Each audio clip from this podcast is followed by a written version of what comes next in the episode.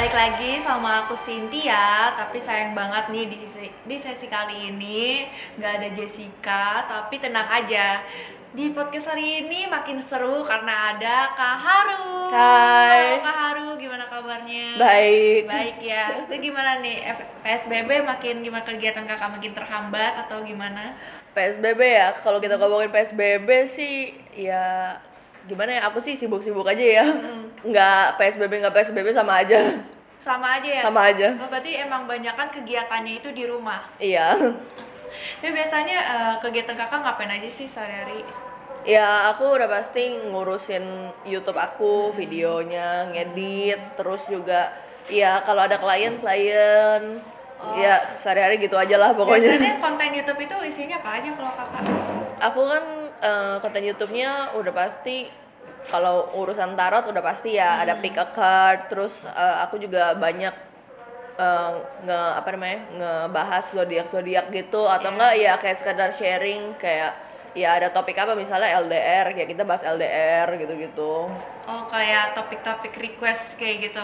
ya Tapi kalau misalnya tarot gitu kakak belajar apa emang ada pengalaman langsung ada gitu bakat apa gimana?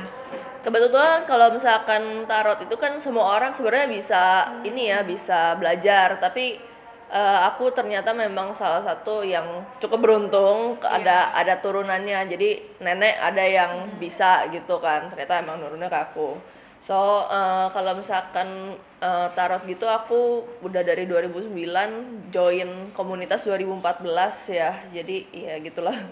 Tapi kayak bisa kayak orang awam kayak aku bisa nggak sih? bisa. Oh bisa, bisa kok. Bisa belajar kok.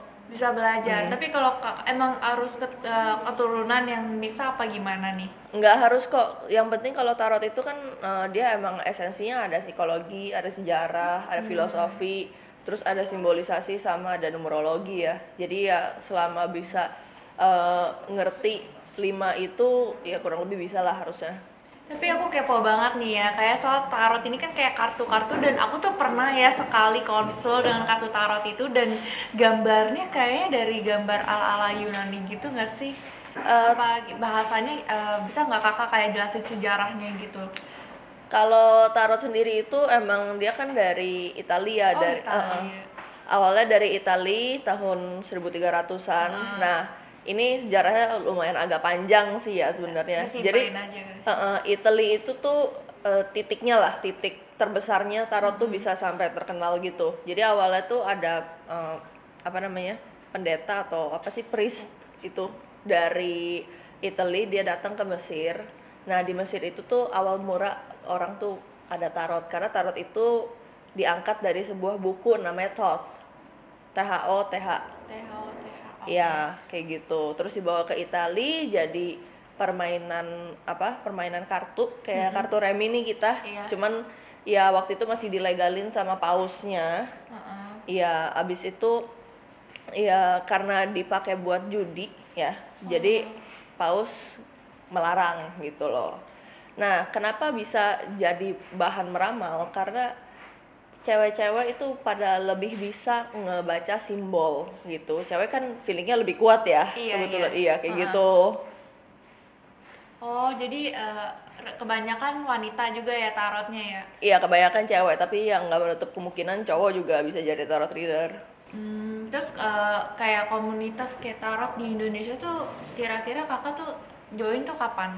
Dari Aku join 2014 sih. tahun 2014 nah itu diajak apa emang kakak cari sendiri? Sebenarnya daripada diajak aku dijeblosin sih. Jelasin gimana tuh maksudnya? Iya, jadi ada temen aku juga tarot reader kan. Terus eh, satu hari aku mau nyamperin dia eh, untuk apa namanya ke eventnya dia ke bazarnya gitu di salah satu kampus lah ada. Waktu itu aku masih baru belajar juga masih awam banget. Itu langsung disuruh jaga. Disuruh jaga. Iya, suruh jaga. Tapi kegiatan komunitas itu ngapain aja sih? Apa eh, mungkin ada juga buka, buka sesi buat orang awam yang ingin belajar? Apa cuma kayak eh, sharing antar tarot reader? Apa gimana tuh?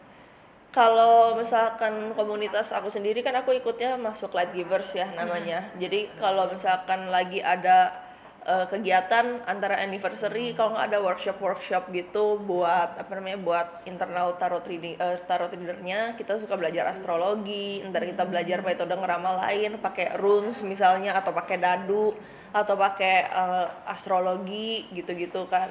Jadi kalau misalkan buat yang public light givers juga sediain.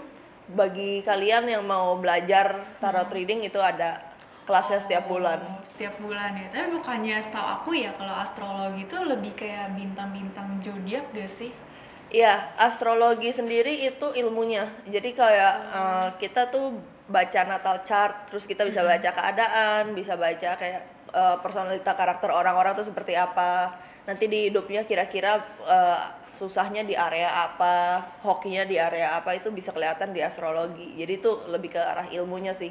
Kalau misalkan zodiak itu ya itu juga ilmu, tapi ya itu lebih kayak patokan dasar aja sih. Jadi kayak eh, subnya astrologi. berarti tarot sama zodiak tarot itu lebih kompleks ya daripada zodiak Eh, sama-sama kompleks sih, tapi ya emang ada ciri khasnya masing-masing.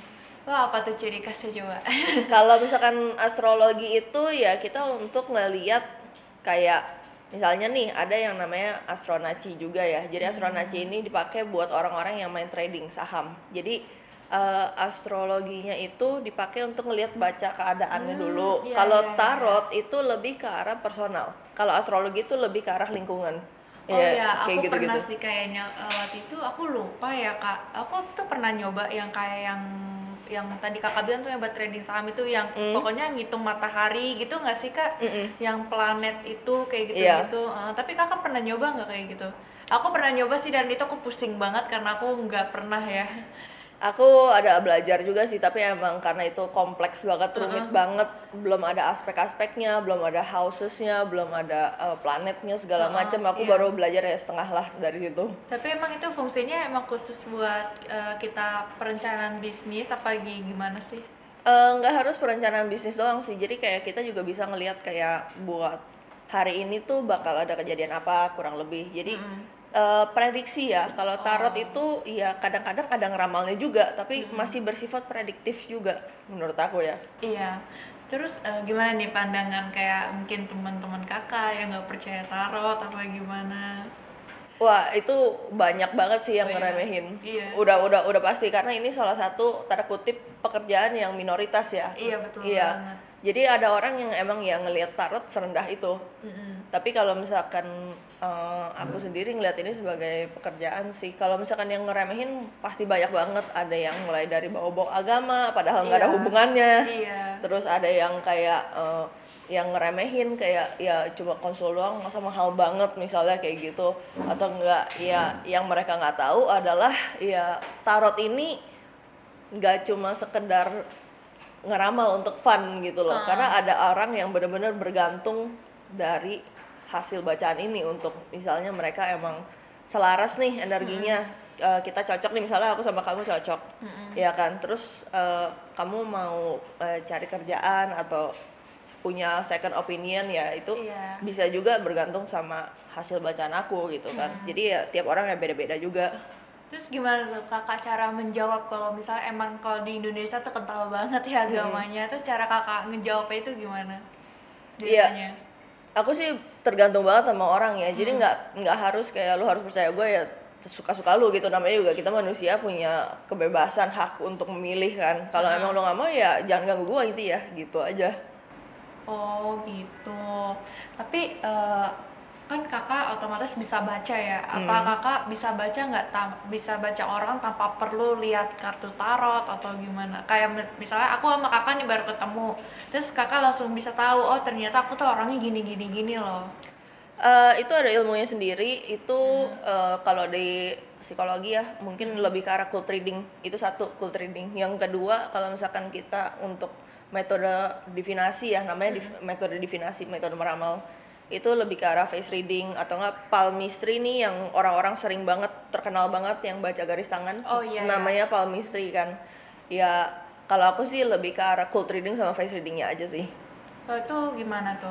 Cold reading itu kita baca eh, kayak gerak-geraknya badan tuh seperti apa kayak ini orang resah nggak atau nggak dari Oh. facial expression itu face reading gitu-gitu Berarti itu kayak komunikasi nonverbal lah ya belajar. iya Heeh. heeh. kayaknya semua orang bisa sih cold Iya, reading harusnya heeh. Iya sih. Terus kalau yang kayak begini, palmistry eh, eh, palmistry aku nggak bisa itu lebih nggak kompleks lagi karena yang kita baca nih kalau misalnya kita tangan nih kelihatannya Iya. garisnya satu dua tiga ya kan yang paling Iya. yang paling kelihatan aslinya tuh sampai yang guratan-guratan halus guratan-guratan kecil sama ini nih bantalan empuk bantalan di tangan kita nih ada yang nonjol-nonjol itu juga dibaca semuanya oh my god. Ya setahu aku sih kalau yang ini kayak eh, ini nyambung nggak? Kalau nyambung artinya bla bla bla kayak gitu-gitu. Ternyata sampai guratan-guratan kecilnya ya. iya Terus kalau soal kartu tarot ya, Mm-mm. eh, biasanya tuh kayak kakak tuh kayak open praktek ya ngomong praktek apa konsul? Eh, konsul sih aku Lebih ke konsul ya. Nah ya itu buka di tempat mungkin sebelum psbb apa gimana? Aku pribadi nggak ada tempat ya. Jadi kalau misalkan emang kalian mau tarot reading, kalian mesti panggil aku. Bisa eh, apa namanya lewat Instagram. Eh, ya di situ sesinya nanti ada email, ada apa, ada apa. Kalau sekarang kan PSBB nih ya, aku nggak nggak buka yang untuk meet up gitu. Jadi bukanya ya online aja. Antara online pakai WhatsApp chat atau enggak online email atau per pertanyaan itu sesinya lumayan banyak sih aku sediain ya. Tapi itu bisa lewat WhatsApp chat, bukannya kayak harus ketemu langsung gak sih? Soalnya kan pasti harus baca kayak mimik muka atau gimana gitu. Eh, memang sebenarnya sih sama aja ya. Aku sih nggak ngerasa yang beda-beda banget karena aku udah eh, prinsip kalau misalkan tarot reading itu aku pribadi cuma perlu tanggal lahir. Heeh, Kalau misalkan ada foto boleh. Yang penting itu eh, tanggal lahir. Yang penting kelihatan dari tanggal lahir itu kan lebih eh, tok ya, lebih konkret. Misalnya nih Iya. tanggal 18 Mm-mm. Mei tahun 93 misalnya. Iya, iya. Ya kan itu kan ada stereotipenya lah jatuhnya. Jadi Hmm. buat patokan dasarnya ya itu akan jauh lebih bagus, jauh lebih akurat dari tanggal lahir. Kalau misalnya mau ketemu ya itu experience buat si kliennya sih yang lebih apa ya lebih ya wah ngambil tarot sendiri nih gitu. Aslinya sih ya kurang lebih sama. Kurang lebih sama ya. Terus kalau misalnya kayak tarot, tarot itu ada jenisnya nggak sih? Apa kayak emang satu aja udah kartu tarot gitu? Tarot itu selama ini sih kartu ada tiga ya, ada Lenormand, ada tarot, ada oracle. Wah itu? Tiga-tiganya ya uh, mirip tapi nggak sama gitu loh. Kalau tarot udah pasti itu jumlahnya pas ya, 78 kartu, 78 tok pokoknya. Kalau misalkan oracle itu ya tergantung si artisnya mau bikin berapa. Biasanya sih 36 kartu doang dan itu nggak eh, simbolnya sama artiannya itu benar-benar tergantung sama si artisnya gitu. Kalau misalkan tarot itu udah pasti, tapi simbolnya mungkin di kartu kita ambil kartu apa ya? Yang contohnya, misalnya Empress. Kartu Empress nomor 3 itu ada yang ngegambarin si ceweknya tuh lagi hamil. Ada Iya. yang ngegambarin ya emang eh, ceweknya eh, powerful aja kelihatannya gitu Iya. ya itu balik lagi ke artisnya tapi kalau di tarot ya empress ya empress gitu. Nggak ada empress jadi princess gitu nggak ada. Gitu. Kalau oracle kita ngomonginnya tuh dia lebih terserah artisnya. Kalau Lenormand ini Iya. tuh ya ini bisa dibilang cukup unik ya. Karena Mary Anne Lenormand sendiri ini yang eh, nyiptain kartu ini berdasarkan nama dia dan dia adalah salah satu kartomancer. Kartomancer tuh pembaca kartu ya. Kartomancer yang benar-benar terkenal sampai dia pernah eh, ngebacain Napoleon. Heeh, jatuh sama eh, masa kejayaan Napoleon itu semua dia yang ramalin. Oh itu zaman dulu. Itu kartomancer dari Perancis. Dari jadi emang ada kartu eh, apa subnya ya. Itu karena dia jadi ini juga salah satu awal dari tarot sendiri gitu Berarti kayak tarot itu ada level-levelnya nggak sih? maksudnya level gimana nih Kayak mungkin ada yang eh, pembaca tarot pemula apa gimana? Kalau menurut aku tarot reader itu semuanya bebas ya. Cuman kalau misalkan untuk takeran ya tanda kutip Iya. takerannya itu paling dari pengalamannya Hmm, gitu jadi pemula atau enggak bagaimana dia bisa ngebaca simbol sama ngerelasiin sama situasi si klien nah itu yang kelihatan Oh alah. Mm-mm. Terus kalau misalnya nih ya, kalau ke tarot, kayak aku tuh pernah kan yang aku bilang cerita tadi tarot. Nah itu eh, yang gambar-gambar itu berarti dari Italia semua apa penggambaran yang mulai dari Mesir?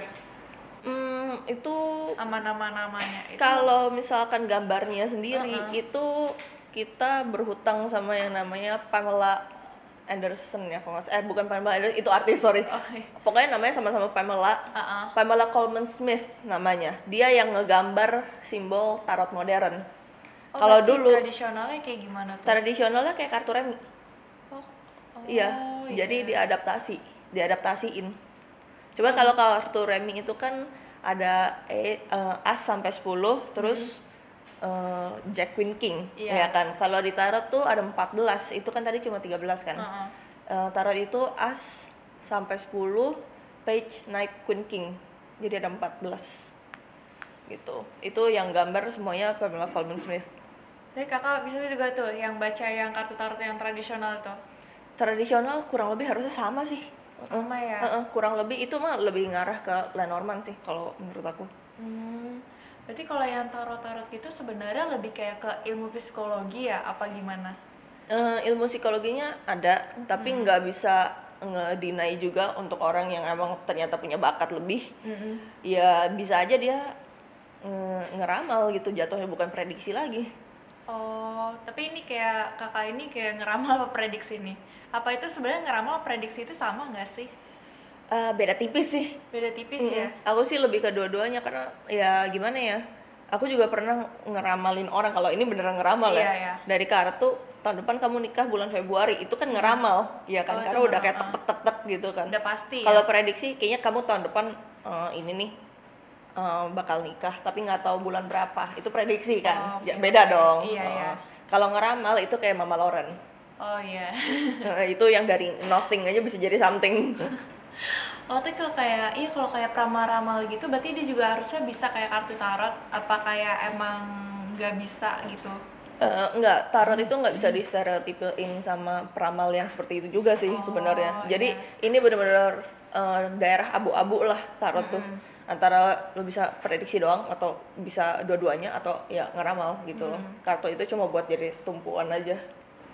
Terus kalau misalnya tadi kan ya yang tadi kakak cerita ya, kalau tarot tuh bisa lewat dadu. Itu lewat dadu tuh kayak gimana tuh mekanismenya tuh? Itu bukan tarot, itu namanya astragalomancy. Jadi Oh, iya. metode divinasi untuk eh, apa namanya memakai dadu. Mm-mm. Kalau bibliomancy itu juga namanya mensi ya, itu metode divinasi. Bli- Bibliomancy itu seni meramal pakai buku. Siapa pun itu bisa. Aku bisa ajarin kalian juga.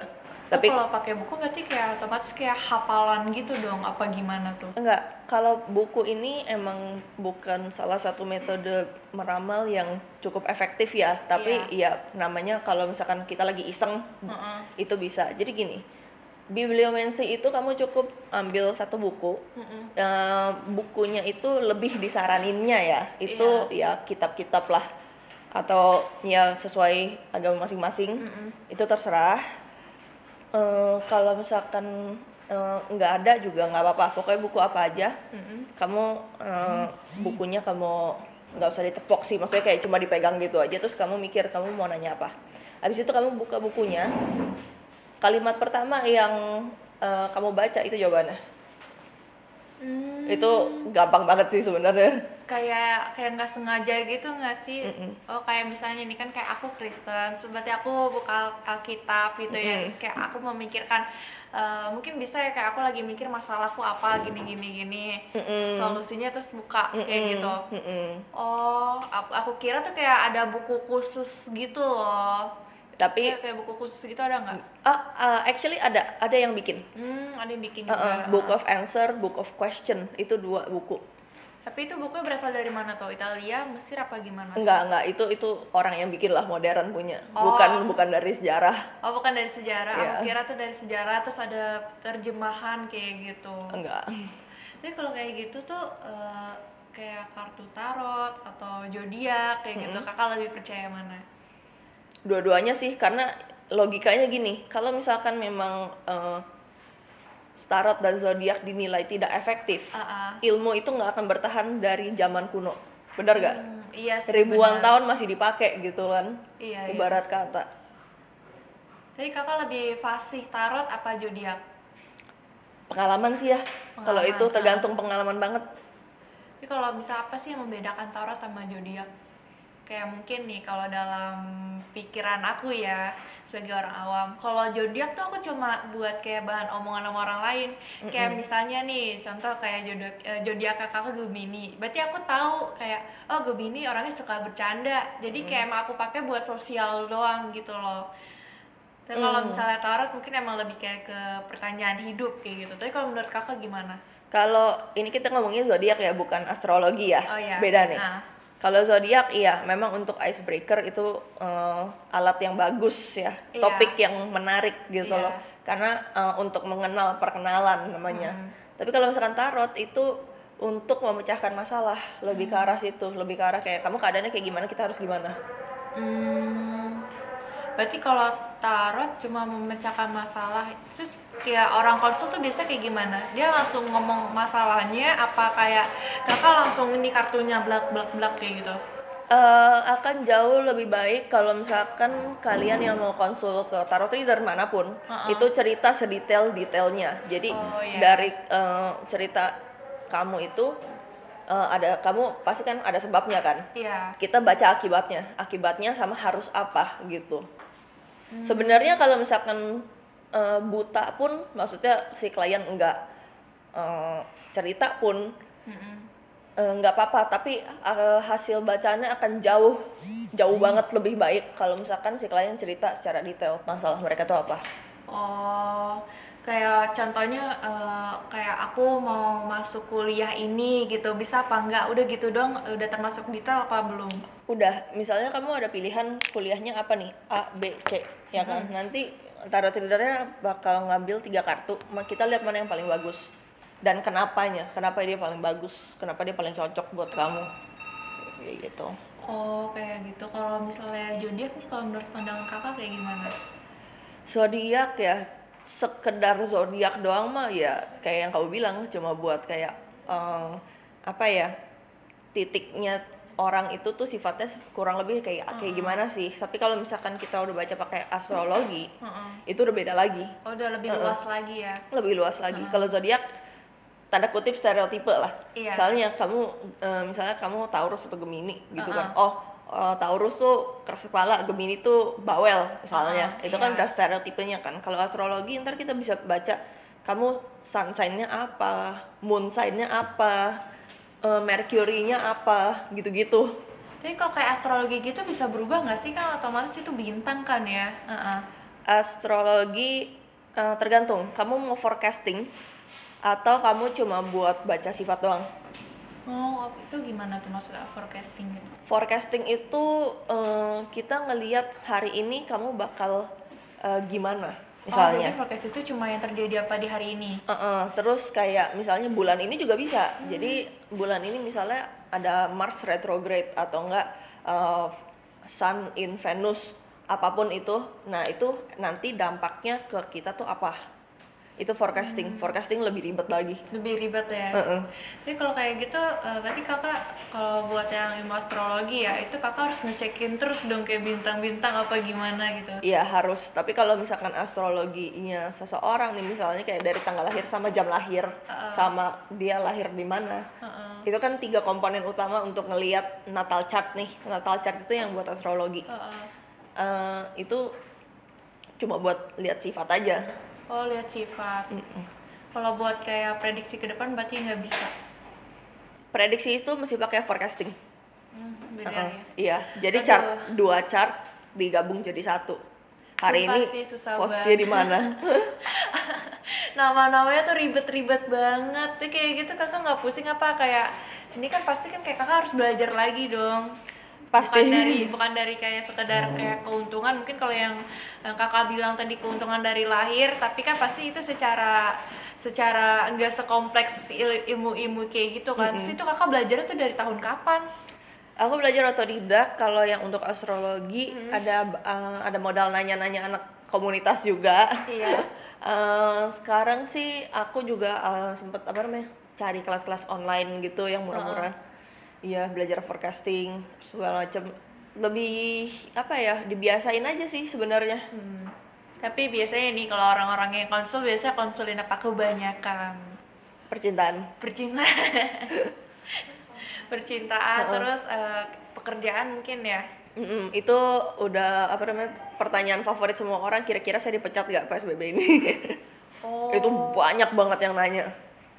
Terus kayak gimana ya eh, kalau misalnya kakak nih lagi konsul gitu kan, kayak ada sih kayak ngerasa kalau aku mikirnya ya kayak energi kakak habis apa gimana gitu, Oh, itu ngaruh nggak sih kayak gitu-gitu? Eh, ngaruh bagaimanapun juga energi itu selalu kepake Hmm. kalau untuk tarot reading ibarat kata gini satu jam tarot reading intens Hmm. itu ibaratnya kayak kalian masuk ke ruang kuliah dosennya Iya. killer dan kalian duduk paling depan dua jam Oh penuh God. iya kayak gitu Jadi soalnya pasti kayak ngadepin pertanyaan-pertanyaannya kayak gitu ya. Tapi kayak gitu eh, bisa nggak sih? Oh ada tarot intens ya, aku baru tahu loh tarot intens berarti kayak private gitu. Enggak, maksudnya eh, intens itu kayak gini. Eh, aku chattingan sama kamu satu jam nggak ada jedanya, nggak ada pause-nya. Jadi ya kita kayak bener-bener kayak lagi ngegosip aja gitu. Pada tapi konsul, konsultasi Konsul. gitu. Ada karena eh, kenapa ada aku bilang ada intens apa enggak? Karena ada aja klien yang kayak em, ngilang dulu lima menit, terus kitanya masih nungguin gitu kan. Iya, kalau misalkan intens kan ya aku bales, dia bales langsung gitu kan. Kayak Iya. orang ngobrol aja. Tapi biasanya tuh kakak buka konsul berapa menit tuh biasanya? Aku- Berapa jam? Aku selalu eh, taruh satu jam. Aku per jam itu ya adalah harganya. Heeh. Online sama meetup beda. Kenapa aku taruhnya sejam? Karena banyak banget orang yang nggak siap. Oh ya pasti kayak mikir dulu ya. mikir dulu. Aduh, tanya apa ya? Tanya apa ya? Oh iya. Jadi eh, jedanya selama satu jam itu tuh dipakai buat mikir biasanya. Terus cara kakak nih mungkin kan kayak uh, misal aku mau konsul nih sama kakak, tapi mungkin ada yang masih ada yang aku tutup-tutupin gitu loh. Itu cara kakak gimana? Kan pasti kakak uh, mau baca juga terganggu kan karena ada yang ditutup-tutupin. biasanya banyak banget yang nutupin eh, kasus mereka karena satu takut dijudge yang kedua mau ngetes tarot readernya biasanya Iya, ya iya. atau enggak ya ketiga ya malu gitu karena banyak banget yang nanya ini eh, rahasia saya aman kan ya aman lah tapi ya biasanya sih kelihatan di kartu kalau memang dengan syarat ya energi kita cocok. Karena ibarat kata gini nyari eh, tarot reader sama klien itu udah kayak nyari pacar cocok-cocokan. Ini beneran. Iya iya Heeh. iya. tarot reader pun nyari kartu kayak nyari pacar. Simbol yang nggak cocok nggak bisa baca udah